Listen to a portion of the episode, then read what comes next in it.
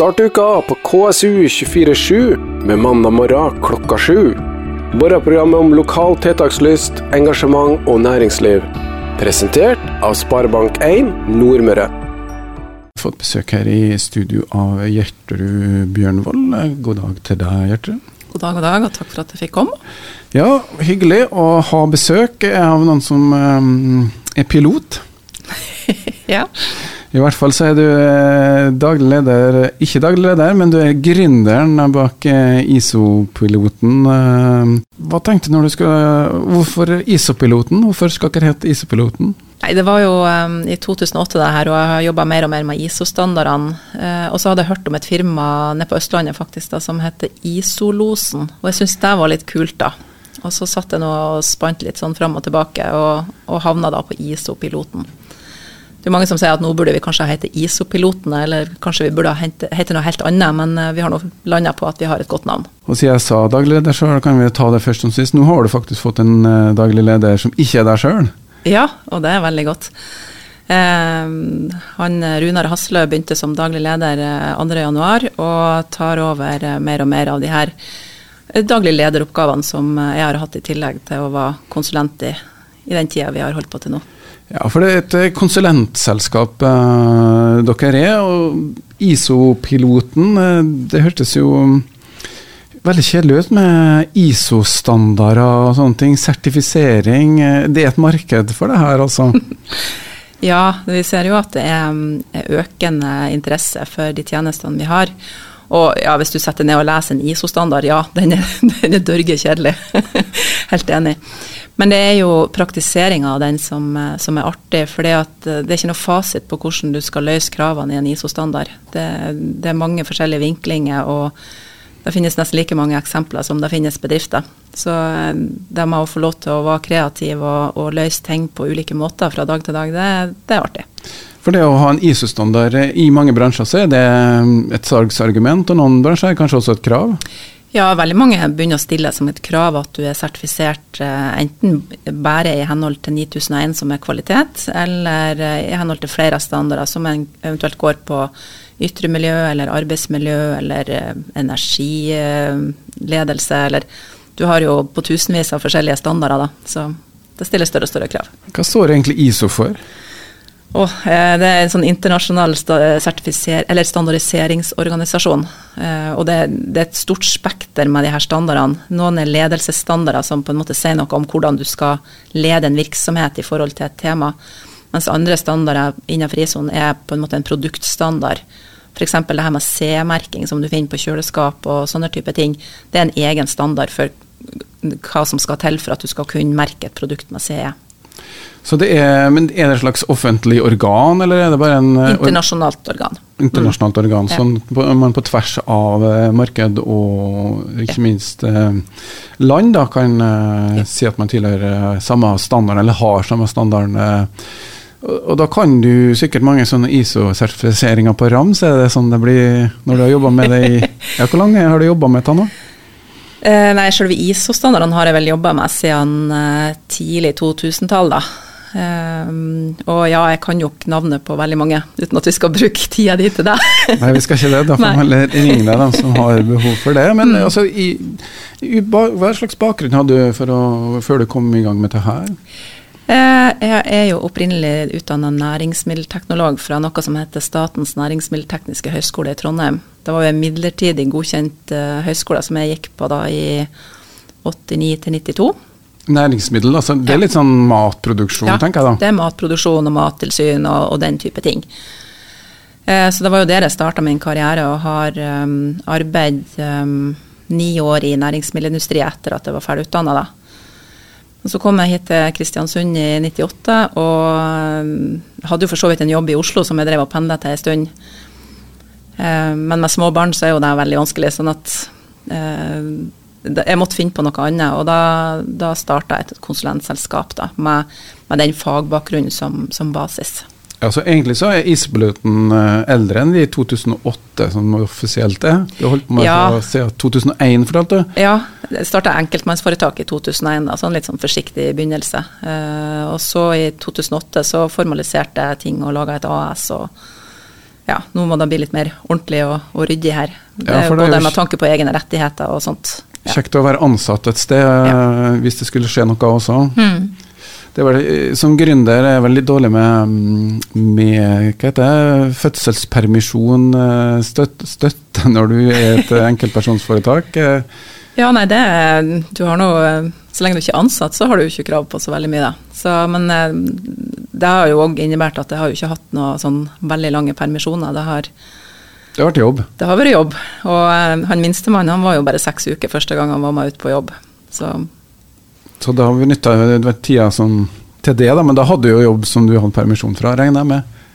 nei. Hadde du ikke? Nei. Du var konsulent da? Ja. Imponerende. Det er jo en risiko å ta, da. Ja da, men eh, litt risiko må man ta. Men da regner med at du har trua på det her, og at det er et marked. Hvordan var det de første årene? eh, Hvordan var oppdragsmengden? Nei, det er klart eh, de første årene så har jo oppdragsmengden vært liten, men så har jo kanskje arbeidskapasiteten òg vært ikke vært eh, på topp, holdt på å si, med, en, eh, med to barn og, og en eh, da samboer som jobba offshore og eh, Det var mange ting som skulle klaffe, men eh, det gikk jo rundt på et vis. Og da var det greit å ha den offshore-inntekta i tillegg, da? Er det sånn? Ja, den var jo veldig hyggelig, det er klart. Ja, og Det er jo det litt med å få, få hjulene til å gå rundt. Men en konsulentselskap, så er det jo en time Hva, hva slags tjenester tilbyr Timebasis, eller er det andre ting òg? Eh, ja, altså sånn opprinnelig så var det jo på time for time, og så har man jo etter hvert lært seg litt å, å, å pakke det her inn i faste avtaler med, med faste abonnementer og sånt. og og, og der jobber vi jo fortsatt med å prøve å få litt mer sånn faste inntekter, at du kan jobbe litt mer eh, langsiktig og, og utvikling, og istedenfor å ta de her skippertakene hele tida. Det, det skippertaket er jo ikke bra verken for oss som konsulenter eller for kundene våre. Ja, for det, det som er tanken, er sikkert å ha en kontinuerlig prosess på rett og slett kvalitetsarbeidet sitt. Ja, fordi da, da, da slipper du jo de her ubehagelige overraskelsene. Dersom du får et tilsyn på besøk og avdekker store feil og mangler, da, da kan det jo kanskje resultere i et avisoppslag, eller kanskje i verste fall ei bot. Men hvis du liksom jobber kontinuerlig med å eh, ja, iallfall forsøke å etterleve regelverket Du må vel egentlig det? ja, du skal jo det, men, men eh, eh, og, og, og de fleste seriøse bedrifter, de, de, de, de strekker seg jo langt for å, for, å, em, for å være i henhold til regelverk. Men så er det, regelverket er komplekst og vanskelig, og tilsynene utfører strengere og strengere tilsyn. Så risikoen nå framfor for noen år siden, den er jo mye høyere i forhold til både medieomtale og, og eventuelt økonomiske sanksjoner hvis man ikke har ting på plass. Ja, for La oss ta mat, da, f.eks. Hvis du da får et tilsyn eh, fra Mattilsynet, ikke? Ja. Ja, så kan de risikere å stenge butikken din Ja. eh, til du har retta opp i det, og da kan det forsvinne mange kunder. Ja, det er klart hvis du eh, kommer, kommer og finner en plakat på døra som sier at det er midlertidig stengt, og leser i avisa etterpå at det, har vært, at det er Mattilsynet som har stengt, så, så går du kanskje ikke dit med det første igjen.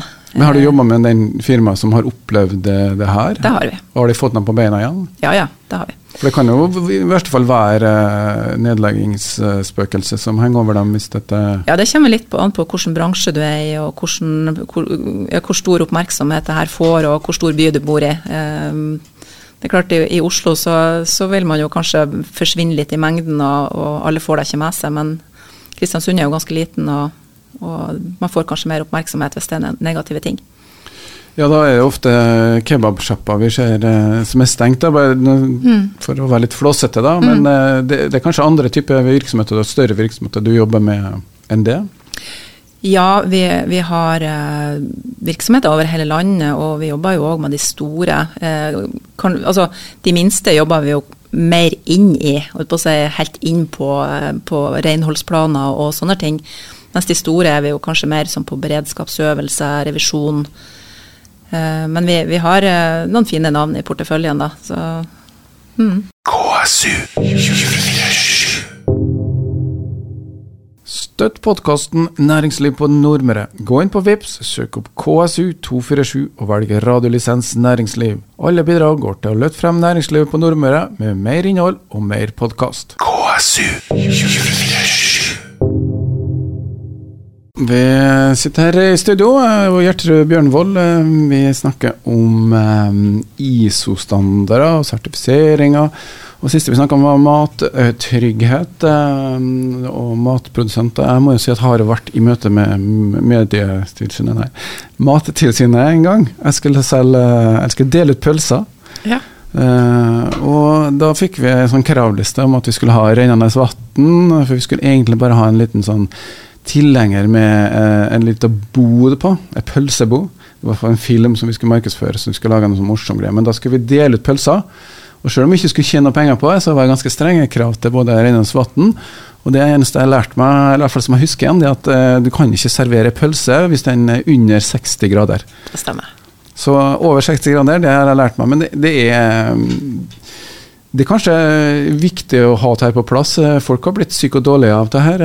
Hva er konsekvensene hvis man ikke følger sånne typer regler, annet enn å selvfølgelig bli stengt ned? Eh, det, stengt ned er jo selvfølgelig den verste tingen, men, men den, den um den, den, omtalen du får ute i samfunnet med at man har blitt syk hvis man har spist sånn og sånn eh, fra den og den plassen, den er jo veldig uheldig. Og det er klart at en, en misfornøyd eh, forbruker forteller jo ofte det til veldig mange flere enn en fornøyd forbruker. Så det er jo viktig å, å jobbe forebyggende her med at man skal selge gode produkter og trygge produkter. Men dere jobber ikke bare med mat. Eh, det er jo blitt en del andre ting som dukker opp med jevn, ja, nye krav og mm. standarder. og hva er det som er hot og not akkurat nå?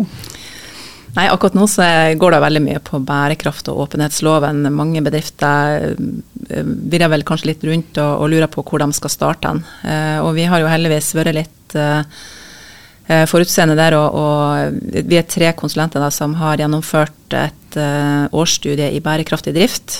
Et helt år studie? Ja, det har vi tatt i tillegg til jobb, så vi var rimelig sliten til jul nå når vi leverte siste oppgave. Men eh, det har gitt oss eh, masse verdifull innsikt eh, i hvordan man skal jobbe med bærekraft. For bærekraft henger jo sammen med de tingene vi har jobba med fra før. Altså det med helse, miljø og, sikkerhet, det med kvalitet og det med ytre miljø. Det er på en måte en sånn fin, overbyggende paraply. Og, og, nå vet vi jo litt mer om hvordan vi skal få bedriftene i gang med å, å, å kartlegge sitt eget bærekraftsarbeid. Altså hvor er vi hen, og, og, og hva, hvor, hvordan skal vi komme oss videre. For det er klart at alle bedrifter har litt de kan bidra med hvis de, hvis de begynner å analysere seg sjøl litt. Ja, jeg har jo litt sånn eh, iboende skepsis til sånne type mm, påstander som at nå skal vi liksom være så bærekraftige. Jeg mener, du må nå være en del av livet ditt og være bærekraftig, ta ansvar for miljøet, ta ansvar for mennesker. Altså, eh, blir det veldig mye sånn papirarbeid her? Nei, jeg, jeg, tenker at det blir veldig mye analysearbeid. altså Du må gå litt sånn kritisk gjennom dine egne vaner. Eh, de fleste av oss eh, håper jeg har litt sånn bærekraft inni oss. At vi tenker litt gjennom trenger det her eller trenger det ikke. Eh, kan jeg bruke det her litt lenger, eh, hvis vi, hvis, vi, ser på det perspektivet, da. Um, men, men, vi trenger vel litt sånn remindere for å på en måte rydde opp i, i egne holdninger og ja, bli bevisstgjort. Det med bærekraft handler jo ikke bare om ytre miljø, det handler jo òg om sosial ansvarlighet. Uh, og da at vi driver og kjøper masse ting hele tida. Norge er jo et uh, forbrukersamfunn så det holder. Uh, hvem er det som har, har, produsert alt det vi forbruker, og, og, hvordan er arbeidsforholdene i de fabrikkene der ting er produsert? Er det barnearbeid? Er det, altså hvordan er menneskerettighetene der ting blir produsert? Det tror jeg vi alle sammen kan tenke litt mer over. Så det får bedriftene til å stoppe opp da, og mm. sånn ok, hva gjør jeg egentlig, og hva gjør jeg ikke? Litt der, der. Ja, litt der, men så er det jo samtidig trenger vi å gjøre ting på akkurat samme måten som, som før. Kan vi prøve å eh, altså Det er jo noen, en tendens som har vært i samfunnet i flere år, det her med at man prøver å, å skape litt mer abonnement og lisens på ting, istedenfor at man absolutt skal eie alt sammen. Og det er jo òg noe i forhold til bærekraft. fordi at hvis en eh, produsent da skal tilby noe som skal vare lenge fordi at han skal ha mest mulig lisensinntekter på det, så produserer han kanskje noe som er bedre kvalitet istedenfor å produsere noe med akkurat god nok kvalitet, og så må vi kaste den etter fem år. Ja, for det er jo mye av det som lages i samfunnet som ikke holder eh, så lenge som i gamle dager, vil noen påstå. Før så hadde vi vaskemaskiner i 30 år og sånn. Eh, det er, det er, en helt annen sirkulær økonomi, mm. det er det det er snakk om nå, så mm. ting varer litt. Ja, og det er kanskje fornuftig at man på et eller annet tidspunkt går til det, det skrittet at man, man leaser en vaskemaskin. Og da får du en vaskemaskin som passer ditt behov i den fasen av livet du er i. Eh, og så varer den, og den blir reparert når den skal repareres, eller den blir hatt service på. Eh, når du kjøper en vaskemaskin, så har du ikke service på den en gang i året. Og da ryker den etter en stund. Nei, vi håper nå ikke at vi trenger service på vaskemaskinen, men kanskje vi egentlig trengte det. Ja, kanskje det egentlig har vært lurt. Smør noen lager og få dem til å mm. stå beint, og mm. noen passer på det. Mm. Men det er helt eh, klart at um, vi er jo et forbrukssamfunn, som, som du sier, men um, at vi skal være så mye mer bærekraftige nå enn vi var for ti år siden, burde ha vært åpenbart det òg, men det, det er litt sånn det handler om å få et stempel, da. og Har dere noen eksempler på at det faktisk gir eh, noe igjen på ja, hva, hva, betyr det for bedrifter for å kunne ha et sånn bærekraftstempel eller et miljøfyrtårn? Eh, nei, Som vi var inne på i, tidligere i dag, nå, så, så, er det jo mange som stiller krav til sertifiseringer. Og, og det er mange også som stiller krav til at du, du utarbeider en bærekraftsrapport. Eh, det at du faktisk kartlegger hvordan du påvirker samfunnet rundt deg, og, og, og har en mening i forhold til det. Så det, det, vil jo komme som et krav. Eh, for, for egen bedrift sin del så, så, ser jeg jo at etter at vi ble førstegangssertifisert både på ISO 9001 og Miljøfyrtårn i 2017, så har jo omsetninga og resultatene våre forbedra seg betraktelig. Så jeg, jeg tror det gjør noe med organisasjonen, at man jobber mer systematisk, at det blir mer igjen på bunnlinja. Så det eh, lønner seg, i tillegg til at man eh, får gode god samvittighet også. Det er jo et bra argument der. Vi skal høre litt mer om vekst og utvikling av selskapet også. KSU 24 Støtt podkasten Næringsliv på Nordmøre. Gå inn på VIPS, søk opp KSU247 og velg radiolisens næringsliv. Alle bidrag går til å løfte frem næringslivet på Nordmøre med mer innhold og mer podkast. KSU247 Gjertrud Burenvold er fortsatt med meg her i eh, studio. Du hører på Næringslivet fra eller på Nordmøre. Det er podkast eh, med live radio du hører på nå.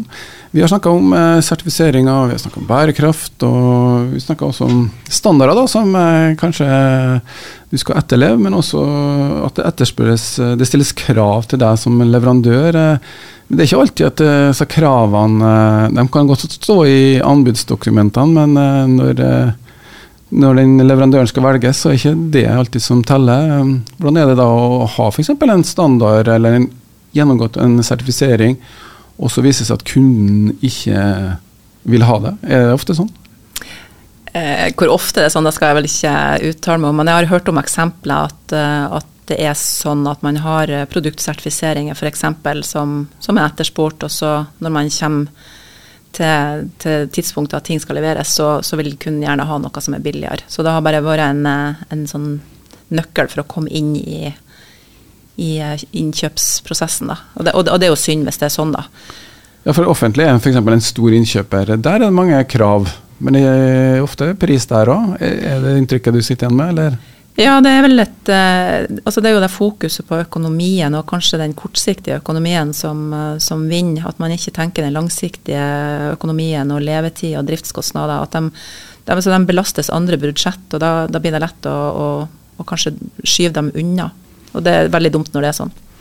Ja, vi bruker jo i lokalradioen argumentet om å være lokalt til stede, mens eh, de da bruker f.eks. Facebook og Google til å annonsere. Jeg skal ikke ta den diskusjonen, men det handler litt om at eh, det er kanskje av og til litt langt fra liv til, til lære, da, eller omvendt. Jeg er litt mer interessert i, i også selskapet ditt. Vi fikk høre litt at du starta opp i, som enkeltpersonforetak i 2001, men så ble du et AS. Um, det tok noen år før, dere ble flere? Ja, og det, det, er jo litt sånn tilfeldig. Det er klart Oppdragsmengden må jo være på plass for at man skal bli flere.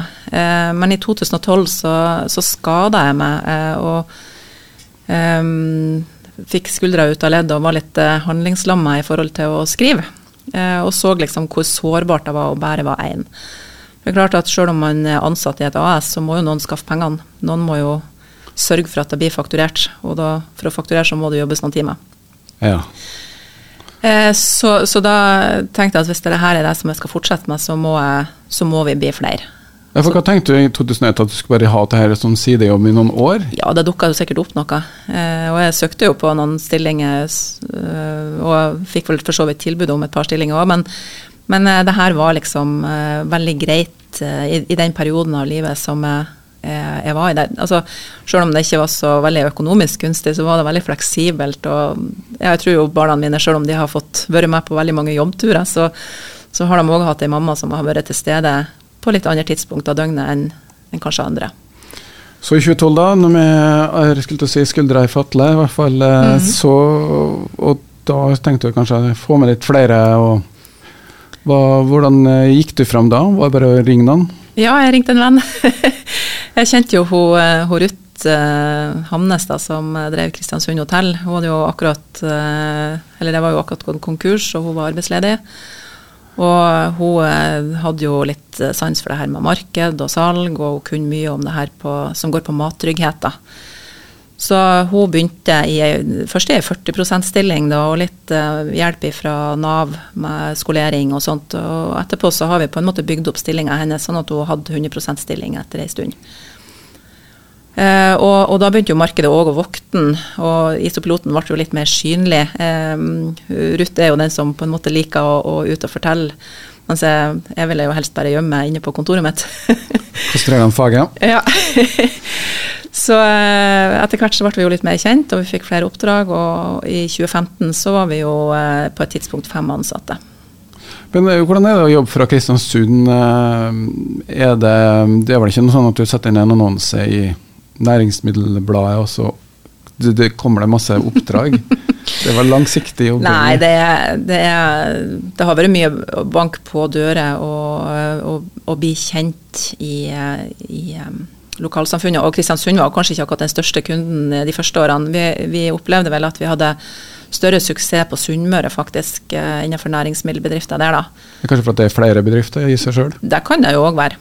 Eh, men etter hvert så har vi jo fått innpass i, Kristiansundsregionen òg, og fått eh, en veldig stor markedsandel av sånn type jobb. Vi har litt havbruk og litt fisk og den type ting. Er det et marked for dere? Ja da, men òg eh, innenfor mekanisk. fordi at Vi jobber med mattrygghet, men vi jobber òg med veldig mange andre bransjer. Det som vi, vi ser, det er jo at vi, vi, er veld, vi er veldig gode på å lage system, og vi er gode på å lese regelverk. Og hvis da kunden kan faget sitt, og det bør han jo, ja. så kan vi få til en god match. Eh, kunden må, må vite hvor skoen trykker hen i sin bedrift i forhold til kvalitetsaspektet eller eh, HMS-aspektet. Og risikovurderinger. Ja. Mm. ja. ja. riktig. Men altså fra Kristiansund 2015, dere er fem personer. Mm, og så etter hvert eh, Hvor ville du hen da? Nei, når vi laga strategiplaner på sånn rundt 2017, så skulle vi vel være sju stykker i, i år. Ja. Eh, men det sprengte vi jo i fjor, da. Men du, har, du 2017 de var med på surfprogram også? Ja, vi var surfbedrift i, i 2022. Og eh, når vi starta i surfprogrammet, så var vi vel eh, syv ansatte. Eh, og da var jo det første som ble sagt på surf at ja, nå skal du bli dobbelt så stor.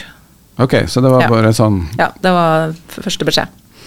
Det er klart at når, For å være med på surfprogrammet, så blir man også plukka ut. Dere mm. melder dere på, så ser man egentlig hva, om de har et potensial. litt mm. sånn. Ja, det var nøye vurdering. Vi var jo en sånn her farmer i ett år da, der liksom vi var under vurdering om vi, om vi, kunne, om vi var kvalifisert. da. Og så, så, kvalifiserte vi oss, og så heiv vi oss med. Og det har vært et veldig spennende år der. Vi har snudd mange steiner og hatt mange gode diskusjoner. Hvordan, eh, hva gjør det med deg som leder eh, og gründer å være på noe sånt? Jo, jeg syns jo det er veldig spennende. Det, eh, det, det, er veldig artig å ha fått til det som vi har fått til hittil. Og det er veldig spennende å se hva vi kan få til hvis vi bare spiller kortene våre rett.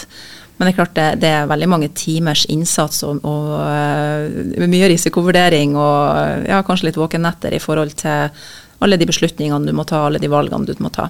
Ja, For da skal du være med på det programmet samtidig som du skal drive eh, butikken? Ja da. Det, 22 ble et veldig heftig år da med surf. Du skulle drive butikk, og vi studerte i tillegg. Sånn at eh, det var, det var godt med juleferie, for å si det sånn. og det var kanskje da du fant ut at du ville ha en daglig leder òg?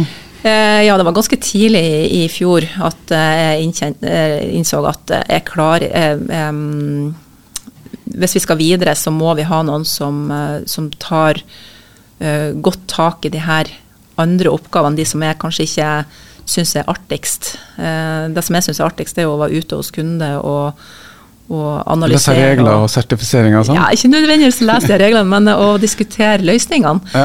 Eh, og eventuelt holde kurs, og, også, og være en del av, av, operasjonen, på en måte. da. Det, det er der jeg liker meg best, og da, da skal ikke jeg holde på med, med det administrative og personaloppfølging. Og sånt. Nei, nei. Det er ikke min oppgave. Nå har vi fått tak i Runar, og han er en fantastisk eh, flott person til å ta seg av de her tingene. Dere har vokst jevnt og trutt. Eh, hvordan gjør dere det?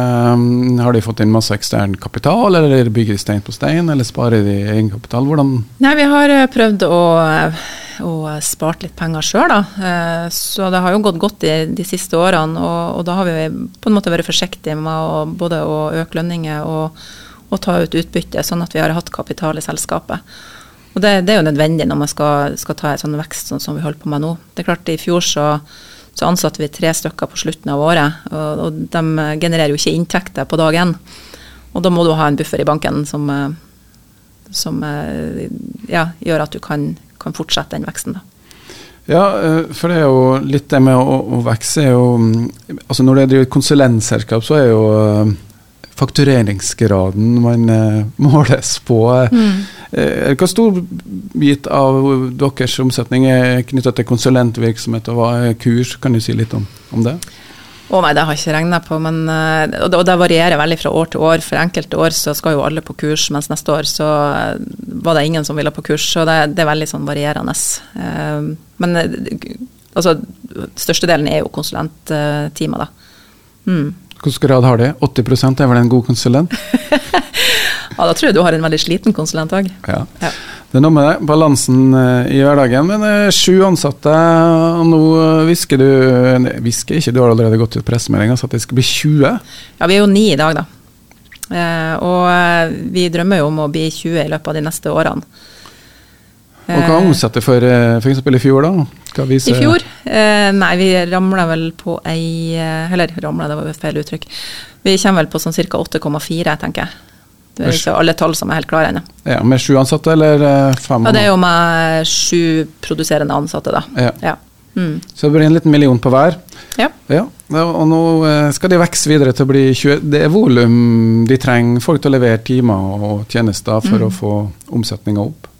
Ja, vi, vi, har jo arbeidet fram en, en, eh, ny type tjeneste da, sånn der kunden betaler et fast beløp hver måned for at vi skal på en måte sørge for at uh, gitte oppgaver er utført til enhver tid. Altså om man får da besøk av eh, enten en ISO-revisor eller en fra Arbeidstilsynet eller Mattilsynet, så, så, skal liksom det her En ISO-revisor? En ISO-revisor, Ja, en sånn revisor som driver og sjekker at ISO-standardene etterlever. Ah, selvfølgelig, det må jo ha ja, det. men de kommer jo sjelden sånn plutselig, da. Men, mm. Eh, men iallfall så skal vi sørge for at ting er i orden, at det er ivaretatt, at man slipper de her skippertakene så få litt mer abonnementsbaserte ja. inntekter, da? Ja, sånn at vi får jobba litt mer sånn grundig og systematisk. For det ofte så, så, krever det jo mer tid hvis vi på en måte den ene dagen avdekker en oppgave som burde ha vært gjort, eller korrigert.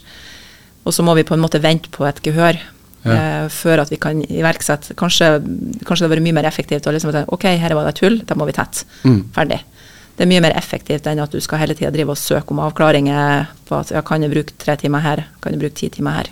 Kan være litt proaktiv, ikke bare mm. reaktiv. Ja. ja. Eh, det fine ordet for Men altså, de skal vokse. Hvilket marked eh, Du snakka om at du kanskje skal bli, bli mer på Østlandet. Skal ikke flytte, vel? Eh, I første omgang skal jeg i hvert fall pendle, da. Så får vi se hvordan, hvordan det ender opp.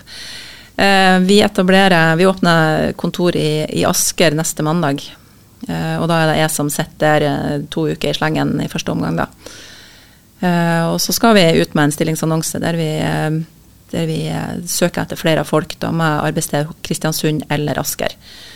Det kan jo, kan jo være gode kandidater her i Kristiansund fortsatt, og det kan være gode kandidater i, i østlandsområdet. Hvem er det som eventuelt passer en sånn jobb? Må jo ha en viss riktig erfaring, eller må jo ha utdannelse? Eh, Du, erfaring er veldig viktig, at du på en måte vet hvordan en bedrift fungerer, altså hvordan prosessene i en bedrift fungerer. Eh, men det er klart at utdannelse er òg viktig. Og det vi kanskje ønsker oss spesielt nå, det er en til på, på næringsmiddelsida. Fordi at vi ser at vi, vi har noen tunge aktører der som, som, krever kompetanse og krever at vi har tid. Og da skal de altså få på plass flere folk. Eh, det er vel Østlands eh, Øst-Norge er vel litt større marked. Det er en helt naturlig forklaring? Vi har jo mange kunder på Østlandet allerede. Og det er et spennende marked. Det, det, er mye tettere mellom bedriftene der enn her, ja. Så ja. Men hovedkontoret blir i Kristiansund? Hovedkontoret skal alltid være i Kristiansund. Ja, Det er bra. Ja. Vi tar med oss det, og så skal jeg i hvert fall takke Gjertrud Bjørnvold for uh, hennes bidrag uh, her til næringslivspodkasten uh, som jeg kaller for Næringsliv på Nordmøre. KSU. Støtt podkasten Næringsliv på Nordmøre. Gå inn på VIPS, søk opp KSU247 og velg radiolisens næringsliv. Alle bidrag går til å løfte frem næringslivet på Nordmøre med mer innhold og mer podkast. KSU 247.